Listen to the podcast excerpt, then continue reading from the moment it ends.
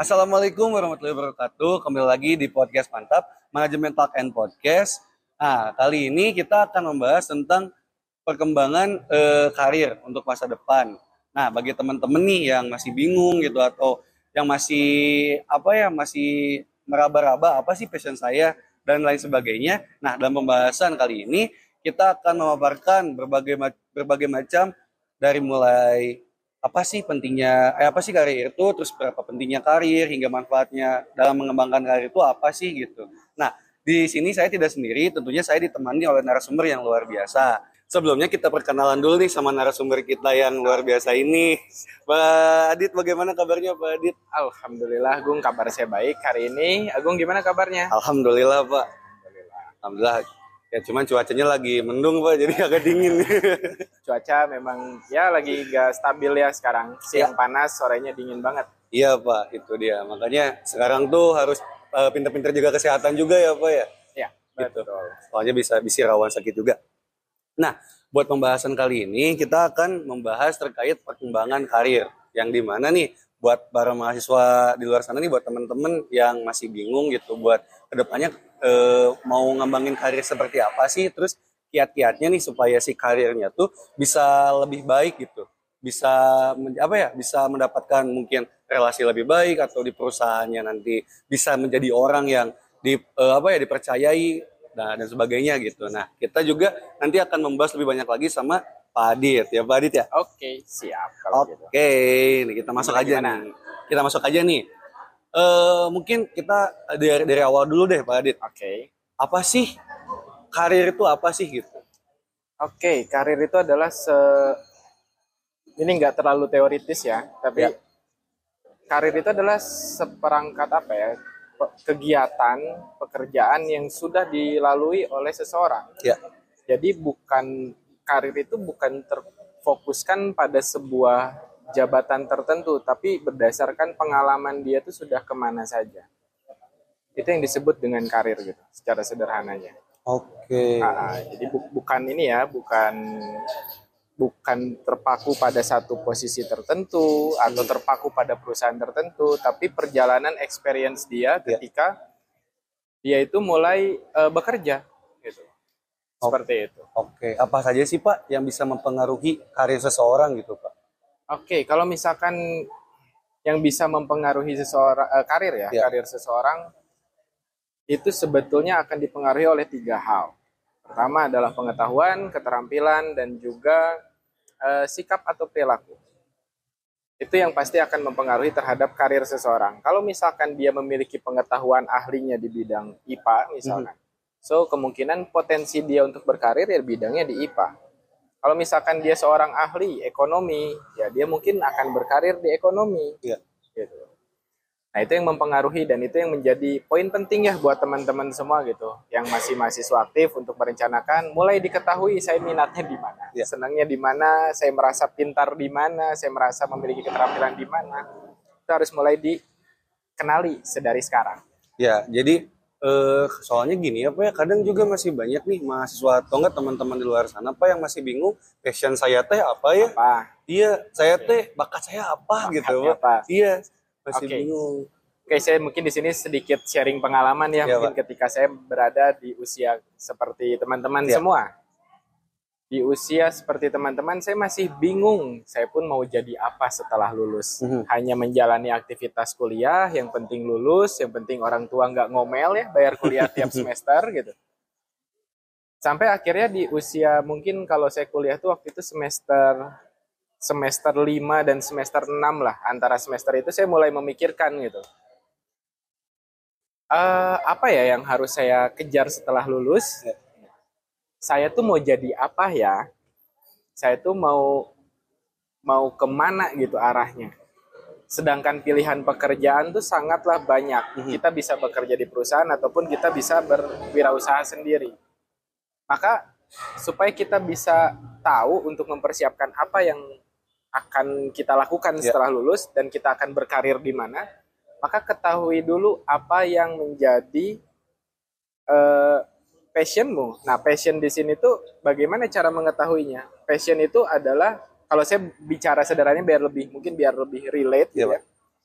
di mana teman-teman akan melakukan sesuatu yang meskipun itu berat, tapi teman-teman tidak akan menganggap itu sebagai sebuah beban, Oh iya betul betul pak ya. tapi akan menganggapnya sebagai sebuah tantangan. Mhm.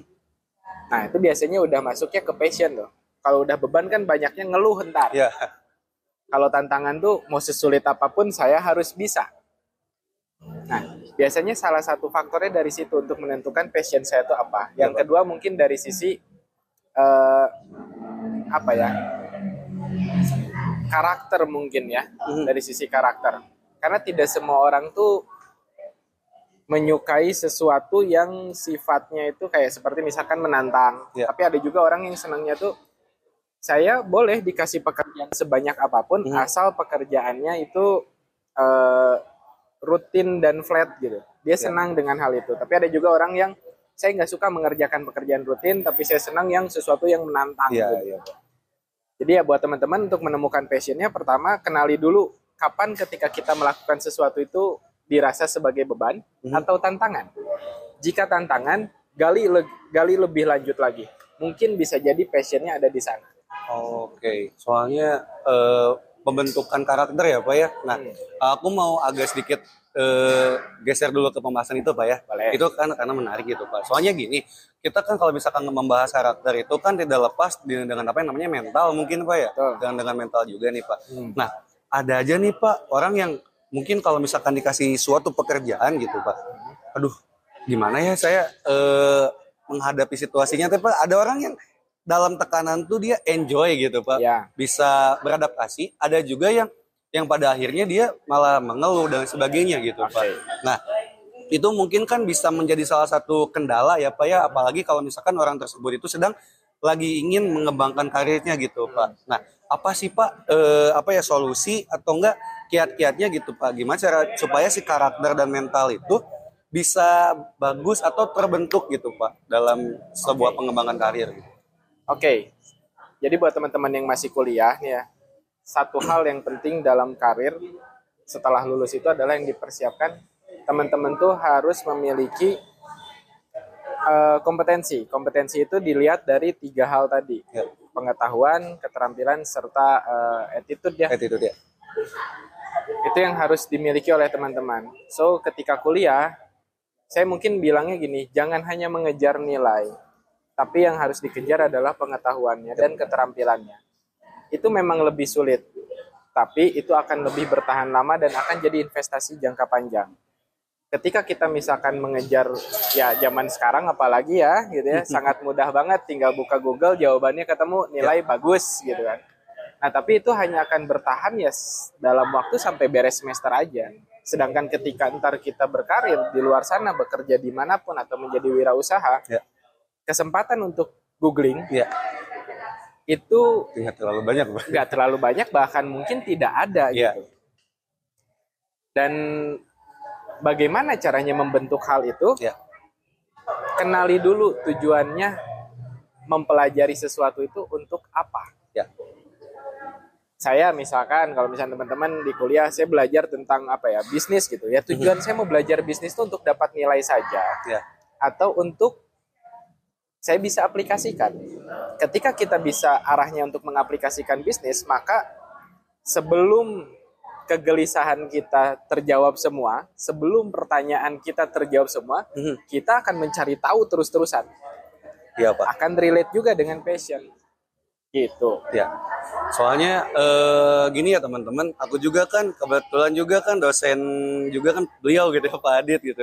Beliau ah eh, aku setuju gitu dengan eh, kata kata-kata Pak Adit yang di mana pada di kelas itu lebih utamakan pengetahuan dan pemahaman daripada nilai Pak. Maksudnya gini, bukan berarti kita melupakan nilai gitu, tapi Ya.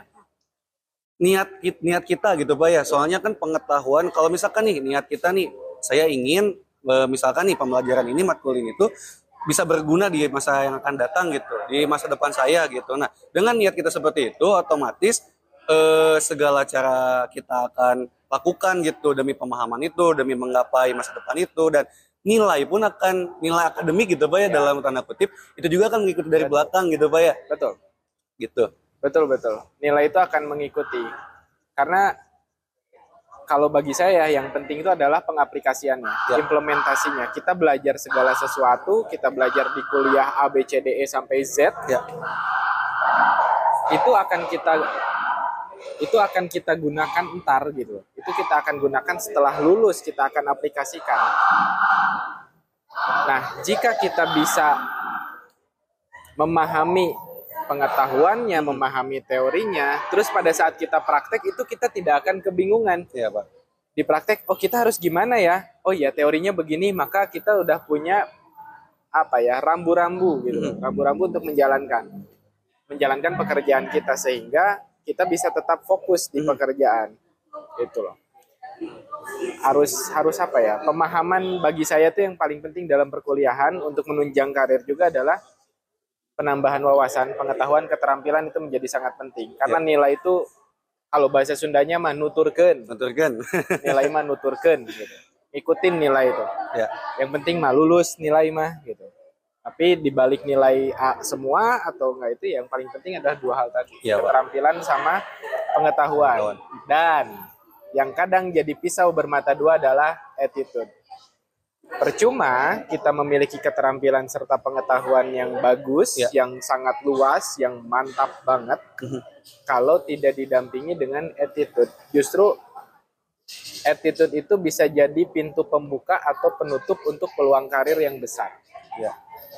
Makanya Pak ada pepatah zaman dulu tuh yang padi apa ya? Ya, Semakin bersih semakin merunduk. betul. Semakin semakin apa ya? Semakin ilmu bertambah tuh kita harus semakin apa ya? Merunduk lagi. semakin ya. merunduk Pak ya gitu. semakin lebih ramah sama yang lain gitu, semakin lebih humble sama yang lain, Ya. bukan semakin tinggi ilmu Semakin kita, sombong. semakin sombong, eh gue pinter loh gitu, nggak gitu juga. gitu. Iya. Nah, Pak, eh, kan dari tadi itu kan kita ngebahas tentang karir apa ya gitu. Kiat-kiatnya bagaimana segala macam. Nah, mungkin teman-teman juga ada yang penasaran kenapa sih kita tuh harus punya karir yang bagus gitu, Pak. Apa sih Oke. eh, pentingnya buat saya gitu karir itu apa sih gitu, Pak, untuk masa depan saya? Nah, Oke, gini, pentingnya merencanakan karir. Mungkin kalau teman-teman eh, ngeh atau pernah dengar gitu ya, ada slogan lah atau istilah I hate Monday. ya. Itu adalah mungkin bisa jadi itu adalah orang-orang yang tidak merencanakan karirnya dengan baik. Oh, Head Monday. Nggak suka hari Senin, Pak. Mereka nggak senang hari Senin karena hari Senin adalah waktunya macet di jalan, Iya. waktunya kerja. Dan mereka senangnya ketemu hari Sabtu, Sabtu Minggu untuk main. Tapi untuk mereka bisa main, mereka perlu kerja. Iya. Tapi mereka benci sama kerjaannya. nah itu mungkin tidak salah satu faktornya adalah merencanakan karirnya tidak dipersiapkan sedari awal. Ya. Nah untuk bisa mencari bisa dipersiapkan sedari awal, maka kita perlu tahu apa bidang pekerjaan yang kita sukai. Misalkan sebagai contoh, kalau saya memilih karir sebagai seorang dosen karena saya senang berbicara, Mhm. saya senang ber- berdiskusi dengan teman-teman, dengan mahasiswa segala macam. Ya. Kadang kalau misalkan kita senang berbicara, senang berdiskusi, senang apa ya sharing gitu ya, Ya. sharing pengal- pengalaman, pengetahuan, apakah pekerjaannya harus menjadi dosen? Enggak juga sih. Jadi entrepreneur, jadi pembisnis Itu bisa. Jadi seorang eh, misalkan seorang sales atau marketing yang ketemu owner-owner gitu Mhm. ya, pemilik-pemilik usaha lain itu Ya, ya. bisa bisa. Cuman menjadi seorang dosen dan menjadi seorang dosen ada benefit plusnya.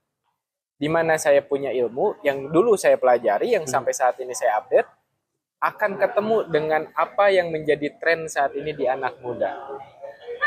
Ya, itu menjadi sesuatu eh, apa ya kepuasan tersendiri. Jadi ketika kita mengetahui apa ya yang membuat saya senang, Mhm.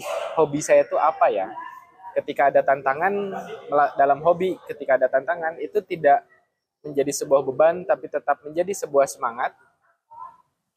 Ya, saya akhirnya memilihnya jadi dosen gitu. Meskipun sebelumnya saya pernah berkarir menjadi seorang marketing, ada sesuatu yang, aduh, saya merasa ini beban. Oh, ada yang nggak seret aja gitu, Pak. ya? Ah, ada sesuatu, ada yang merasa ini tuh beban. Itu Hmm. apa? Target. Saya ketemu dengan pengusaha-pengusaha hebat ketika Ya. saya menjadi seorang marketing. Di situ ilmunya sangat luar biasa, daging semua. Ya. Tapi ketika saya pulang ke kantor, ditanyain targetnya gimana, Dit? Kok saya jadi merasanya agak beban ya. Nah, di situ akhirnya saya memutuskan untuk menjadi seorang dosen, memantapkan diri saya untuk menjadi seorang pengajar, bisa jadi guru ataupun dosen. Iya, Pak. Intinya pengajar lah gitu, guru atau dosen. Kenapa saya memilih dosen? Kalau anak sekolah, saya pernah punya pengalaman ngajar anak SMA dan itu lebih sulit Ketimbang mahasiswa, Pak. ketimbang mahasiswa. Kenapa? Karena perilaku anak sekolah, saya pernah ngajar tuh anak SMA, Ya. Itu sangat luar biasa, mirip lah dengan anak-anak kuliah. Tapi kalau anak sekolah, itu kita ada tanggung jawab lebih untuk mendidik attitude-nya. Iya. Kalau di universitas atau di perguruan tinggi, ke mahasiswa, kita juga punya tanggung jawab sih terhadap hal itu. Ya. Cuman mahasiswa itu sudah lebih bisa diajak berdiskusi. Oh iya, Pak. Iya, iya, iya. Nah, contoh kalau anak sekolah nggak ngerjain PR segala macam, gurunya yang ngingetin. Iya. Kalau mahasiswa, dosennya cuek aja, nilainya jelek baru tuh. Assalamualaikum, Mbak. Nah, setelah itu terjadi, baru kita bisa diskusi. Tahu nggak kesalahanmu apa? Iya. Anak sekolah kalau digituin, mungkin orang tuanya yang datang. Itulah akhirnya, oke, kayaknya saya nggak cocok nih kalau ngajar anak SMA. Mhm. SMP gimana? Wah, apalagi. SD gimana? Wah, lebih liar. ya udahlah, mending di kuliah. Dulu ya. Nah, ketika saya kuliah, ketika saya bekerja di marketing, itu saya mulai mempersiapkan diri saya untuk menjadi seorang dosen. Kualifikasinya saya ikutin apa saja yang harus saya lakukan Ya. untuk saya menjadi dosen. Harus minimal pendidikan S2, maka saya sekolah. Meskipun orang lain bilang, ngapain lagi dit lu sekolah, kan udah kerja. Ya, saya bukan di sini goalsnya. Saya pengen jadi seorang dosen dan syaratnya adalah S2. Saya nggak punya uang untuk kuliah S2. Iya. Maka yang saya lakukan adalah dengan bekerja, nabung, lalu sekolah lagi. Ada juga kenapa nggak beasiswa? Nah, di beasiswa persaingannya sangatlah ketat. Sedangkan saya udah, waduh, saya harus ikutan beasiswa, saingan ketat. Saya juga harusnya udah dapat income, Iya. Pengen beli handphone baru, pengen beli motor baru dan segala macamnya. Akhirnya saya memilih jalur untuk ya udah saya kerja dulu. Gitu. Ha- eh, lima tahun setengah saya kerja, ngumpulin uang untuk saya biaya sekolah Iya. dan ya biaya apa ya apresiasi diri lah. Beli handphone baru, sepatu, motor dan segala macam. Kalau kata bahasa sekarang mas self reward, Pak. Ya, ya gitulah self reward. Gitu. Jadi harus mulai dipersiapkan dari sekarang. Kalau misalkan mau berkarir tuh apa sih kesenangan kita? Terus untuk mencapai ke sana tuh apa yang harus kita persiapkan? Oke. Soalnya kan eh, apa ya kita itu tidak tidak mungkin gitu pak mencapai suatu tujuan tanpa ada persiapan gitu. Betul. Taruhlah seperti kita nih misalkan ah saya di Bandung mau ke mau ke Jakarta kan nggak mungkin apa ya kita tiba-tiba ada di Jakarta gitu. Yes, Kita betul, perlu betul. transportasinya, bahan bakar dan sebagainya Betul. gitu pak. Nah oke. Nah sekarang nih pak eh, manfaatnya dari kita mengembangkan karir itu apa gitu pak untuk kebaikan yang akan datang di Oke. masa depan? Eh, mungkin ini kita bicara agak sedikit teoritis ya. Ya pak. Eh, manfaat dari pengembangan karir adalah di mana kita itu bisa merasa bahwa apa yang kita lakukan itu adalah sebagian dari hidup kita. Dan kita menikmati hal tersebut. Ya. Maksudnya gimana, Pak? Gitu. Maksudnya seperti ini. Kalau misalkan dalam ma- apa ya, teman-teman mahasiswa misalnya udah lulus, mau kerja ngapain? Mau cari uang, Pak, gitu. Ada yang mau modal nikah, ada yang mau beli motor baru, ada yang mau jalanin hobi, ada yang mau apa pun alasannya. Itu biasanya akan mencari dulu dari sisi eh, material. Nah, setelah material terpenuhi, maka dia akan mencari ke hal-hal lainnya. Ya. Nah, ke hal-hal lainnya sampai ibaratnya kebutuhan dari yang bisa dipenuhi oleh material tersebut, misalkan eh, apa ya kebutuhan pangan, biasanya makan mamerenya yang satu hari itu dua kali. Nah, pas sudah kerja saya pengen makan satu hari tiga kali, Ya. pengen menu yang lebih sehat, pengen menu yang Lebih lebih enak gitu kan. Saya pengen makan apa ya, misalkan sebutlah apa pun gitu yang kalian Ya. inginkan setiap hari. Kalau saya dulu saya pengen makan nasi padang tiga kali sehari. Dan terpenuhi itu Nah, pak. itu saya lakukan gitu loh. Dengan cara apa ya? Saya harus kerja dulu. Ya. gitu. Saya harus dapat uang dulu. Ya. Nah, setelah itu terpenuhi, mungkin saya mulai memikirkan, oh iya ya saya perlu perlu keamanan akhirnya mungkin ada beberapa yang ikutan asuransi mungkin atau misalnya ada beberapa yang perlu merasa aman tuh oh saya merasa kurang aman nih kalau di perjalanan saya pakai kendaraan umum takut dicopet dan segala macam mulai beli kendaraan sendiri Ya, biar lebih praktis dan segala macam. Akhirnya ke kebutuhan sosial. Dari kebutuhan sosial kita punya sorry ya kalau misalnya bilang gini kita punya uang gitu ya punya uang baru kita bisa ketemu teman untuk nongkrong. Tapi kalau misalkan kita nggak punya uang nongkrong yuk. Sok aja lah nggak ada uang. Nah baru setelah itu untuk memenuhi hal itu setelah itu terpenuhi barulah kita tuh mulai memikirkan sesuatu apa ya yang kita kejar dalam hidup ini Iya.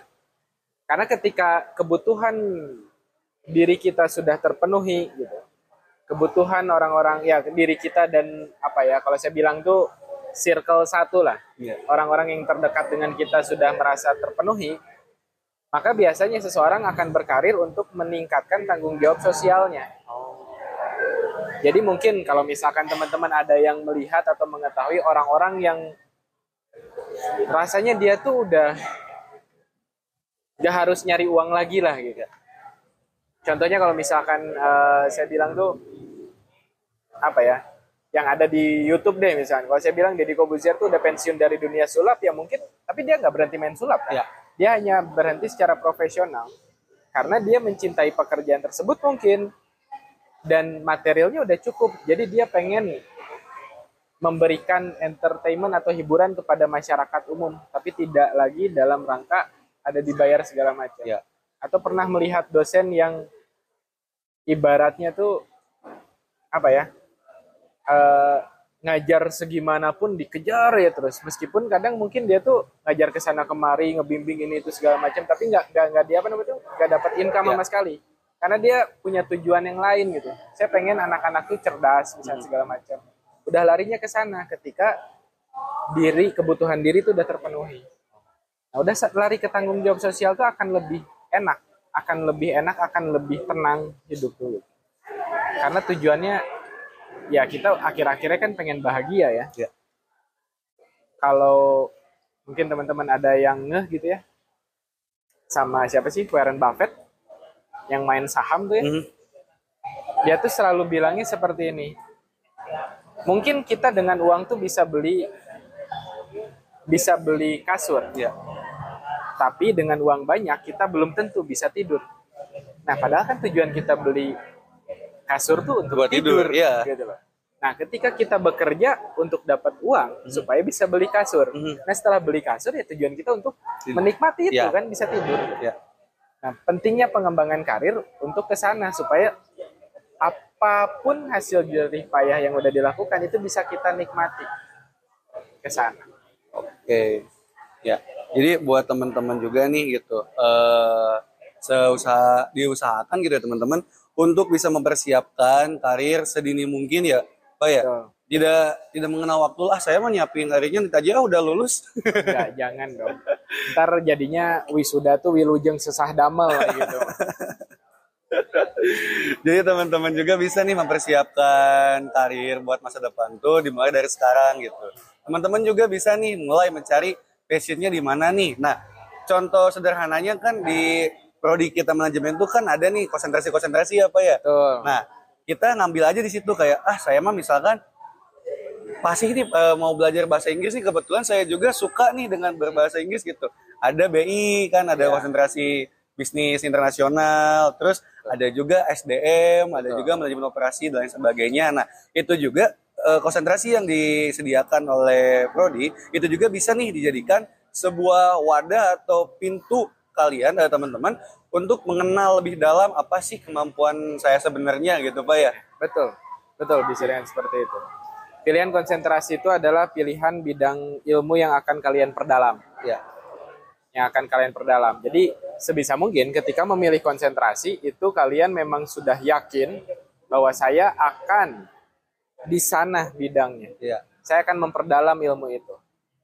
Harus yakin. Caranya gimana? Ya tadi balik lagi. Sederhananya untuk menemukan passion menurut saya adalah ketika pekerjaan makin sulit itu jadinya tantangan bukan beban kalau udah jadi beban maka mungkin bukan di situ passionnya Iya. Tapi kalau misalkan terus merasa oke, saya tertantang untuk melakukan ini, menyelesaikan ini, mungkin di situ passionmu gitu. Maka ketika menentukan konsentrasi, kira-kira mata mana konsentrasi yang paling sulit, tapi kamu ingin tetap terus coba belajar. Nah, itu Pak. Bukan malah, wah sulit, udahlah saya menyerah. Nah, berarti bukan passionmu tuh di situ gitu loh. Kalau enggak, ah saya mah ikut temen aja. Nah, apalagi itu. Kan wisuda apa lulus tuh sendiri-sendiri ya, iya. nggak berkelompok gitu kan. Kelompok satu silahkan wisuda kan tidak seperti itu. Tapi per individu dipanggilnya per nama kan. Iya. So mulailah teman-teman semua tuh mulai untuk belajar independen lah. Iya. Jadi kayak saya mau milih konsentrasi, ah, ntar saya nunggu temen dulu deh si A pilihnya apa, jangan kayak gitu. Kalian tentukan apa ya yang saya senangi Iya. atau apa ya yang sulit, tapi saya tuh tertarik untuk mencoba. Iya. Karena itu akan menjadi bahan bakar yang lebih awet dan lebih tahan lama untuk seseorang tersebut ya berada di salah satu konsentrasi. Iya. Soalnya apalagi kalau udah mengenal dunia kerja apa ya? Ya, Wah, itu udah Oke. Gini teman-teman semua, ini yang masih matif. Kalau teman-teman semua kuliah tuh masih ada remedial ya, masih ada remedial, masih ada semester antara, kesempatan masih ada apa ya? kesempatan pengulangan masih ada. Ketika di dunia kerja, gak ada kesempatan kedua. Momentum hilang ya sudah selesai. Kita harus cari momen baru lagi atau cari kesempatan baru lagi. Dan itu nggak tahu datangnya kapan. Dan kalau nunggu itu dan kita nyari itu mungkin kita udah ketinggalan. Nah, makanya untuk bisa memanfaatkan segala situasi tanpa kesalahan apa tanpa tanpa kehilangan momentum ya, Iya. tanpa kehilangan kesempatan, yang perlu teman-teman asah di perkuliahan itu adalah eh, keterampilan sama pengetahuan yaitu conceptual thinking, eh, konseptual, Kritikal. eh, critical thinking gitu. Itu yang harus diasah Iya. dan coba untuk aplikasikan. Ini kalau misalkan ini untuk mahasiswa Unisba gitu kan, manajemen itu ada mata kuliah apa namanya tuh manajemen perbankan syariah Perbankan dan konvensional. Nah, teman-temannya mungkin ada yang punya rekening konvensional, terus kalau di Unisba itu adanya BSI. Iya. Nah, belajar di kelas teorinya sambil datang ke Bank BSI, cobain bener enggak cross check langsung cross ya? check langsung praktekin langsung gitu kalau misalkan ada marketing digital segala macam cobain langsung biar ntar kalau misalkan ada yang bingung ataupun ada yang tidak paham pertemuan selanjutnya ngobrol sama dosennya Iya. bu atau bapak kemarin saya nyobain tapi begini ini kenapa ya Iya. nah itu akan lebih aplikatif ntar Iya. Dan juga bisa menjadi ruang diskusi juga Pak ya? betul di situ wawasan bertambah Iya. gitu Oke, nah kan teman-teman itu udah nggak denger juga nih eh, apa sih pentingnya karir itu apa, manfaatnya ada se- eh, manfaatnya bagaimana gitu. Nah, aku pengen nih eh, Pak Adit ngasih kira-kira li- lima tips lah. Bagaimana sih agar Oke. si karir tuh tetap cemerlang Pak gitu, tetap melo- eh, naik Oke. lah gitu Pak.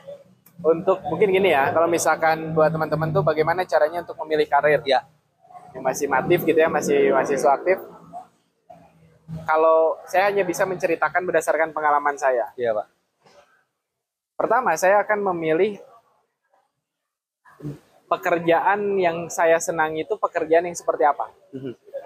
apakah saya senang pekerjaan yang tidak ketemu dengan banyak orang atau senang dengan pekerjaan yang ketemu dengan banyak orang Terus, apakah saya menyenangi pekerjaan yang rutin atau yang menantang? Bagi saya, pekerjaan sebagai dosen itu menantang karena pertanyaan dari mahasiswa itu amazing. Kadang pertanyaannya itu suka di luar perkiraan saya gitu, yang di mana saya pun oke, saya harus berusaha untuk bisa menjawab. Ya. Nah, setelah saya tahu pekerjaan seperti apa atau aktivitas seperti apa yang saya senangi, maka mulai kerucutkan. Kira-kira secara real atau secara posisi itu eh, bukan posisi ya. Secara real tuh dari aktivitas yang saya senangi itu pekerjaannya ada apa aja ya? Ya. Misalkan kalau saya senang sharing, diskusi, terus eh, senangnya juga apa ya berbicara gitu dan segala macam. Eh, apa ya? Ya sharing, diskusi, berbicara, terus juga eh, apa? Mau untuk update lagi gitu ya. Artinya nih kayak apa sih yang lagi hit sekarang gitu. Nah, pilihannya bisa jadi seorang entrepreneur, pembisnis, marketing, itu saya bisa dapat daging banget tuh kalau misalnya ketemu owner-owner atau pengusaha-pengusaha hebat. Ya. Habis dari situ eh, bisa jadi seorang dosen, bisa jadi trainer, bisa jadi guru. Nah, dari berbagai macam pilihan pekerjaan itu, maka kita harus mempersiapkan, lihat persyaratannya apa aja. Kalau saya mau jadi pembisnis, berarti saya harus punya bisnisnya. Ya. So, kalau mau jadi pembisnis, mulai dari sekarang. Karena pembisnis itu bukan mulai sekarang besok jadi. Entahlah berapa tahun lagi, entahlah berapa bulan lagi. Iya. Mulai persiapkan. Kalau mau bisnis, bisnis apa? Terus yang kedua, kalau misalkan mau jadi trainer, berarti saya harus punya keahlian tertentu. Suatu keahlian tertentu yang di mana saya bisa sharing itu. Mhm. Nah, kalau misalnya teman-teman ahli, eh, ahli misalkan apa ya? Eh, apa namanya itu? Jadi instruktur atau trainer itu misalkan ada yang jago musik itu ya, jago gitar, nah silahkan. Jadi instruktur gitar atau apa buka kursusan gitar gitu kan bisa. Jadi guru mulai dari TK sampai SMA silahkan tentukan kira-kira kita siapnya menghadapi yang mana. Menghadapi anak TK pertanyaannya sangatlah luar biasa. Di luar nalar. Mungkin anak TK, Bapak atau Ibu gitu kan. Ayam sama telur duluan mana? Ya kalau kita bercandaan, tapi anak TK itu serius. Gitu. Kita harus bisa jawab gitu. Terus kayak misalnya anak TK tuh mulai kayak bertanya tuh apa ya? eh, kenapa sih kita tuh harus makan gitu? Padahal apa gitu? Iya, Nah, itu anak-anak TK seperti itu. SD sama.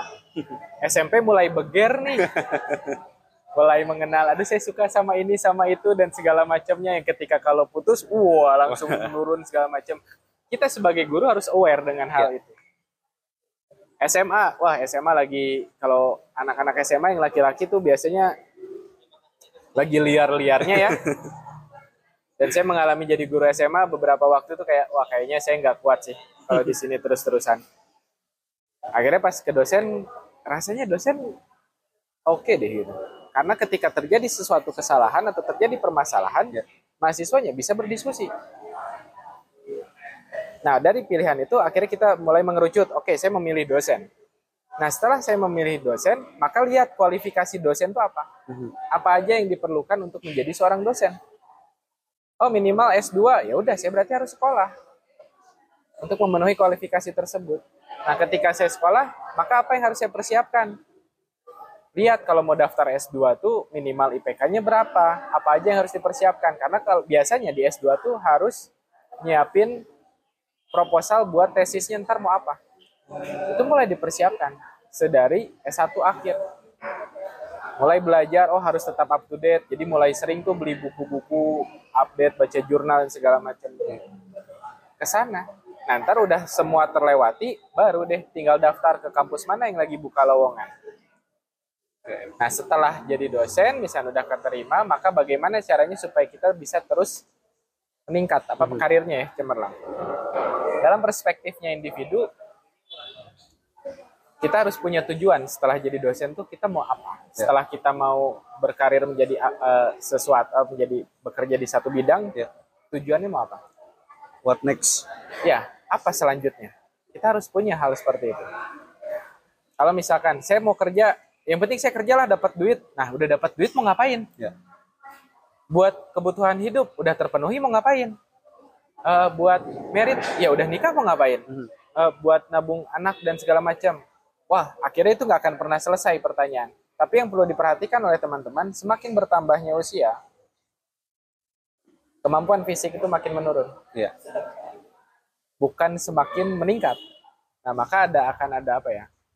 Regenerasi. Kita keinginannya makin tinggi, Iya. tapi fisiknya makin menurun. Maka pertimbangkan, rencanakan dengan baik, bikin forecasting. Lima tahun ke depan saya harus achieve apa? Nah, untuk achieve ke sana saya harus ngapain aja? 10 tahun ke depan saya harus jadi apa? Maka apa yang harus saya persiapkan? Bikin hal seperti itu. Set goals-nya itu paling tipsnya ya gitu untuk karir supaya bisa terus fokus. Karena kadang terlena loh. Oke, teman-teman itu dia pembahasan yang sangat luar biasa yang telah di kita bahas oleh dosen kita yang luar biasa juga Pak Adit. Nah bukan mantap nih Pak Adit. Eh, namanya kalau misalkan bintang tamunya nggak ada quotes aku minta nih dari Pak Adit supaya mungkin untuk menginspirasi juga nih buat teman-teman yang lagi ngedengerin podcast ini. Apa sih quotes of the day lah Pak Adit untuk Ah. teman-teman apa ya? Kalau kalau saya sih yang selalu saya lakukan, yang selalu saya lakukan setiap hari adalah ap, apa ya? Belajarlah dari siapa pun. Meskipun misalkan kita orang lebih lebih tua misalkan usianya, tapi apa salahnya kita belajar sama anak-anak? Ya. Bagaimana belajar sama anak-anak akan kepolosan? Kalau saya sih belajarlah dari siapa pun.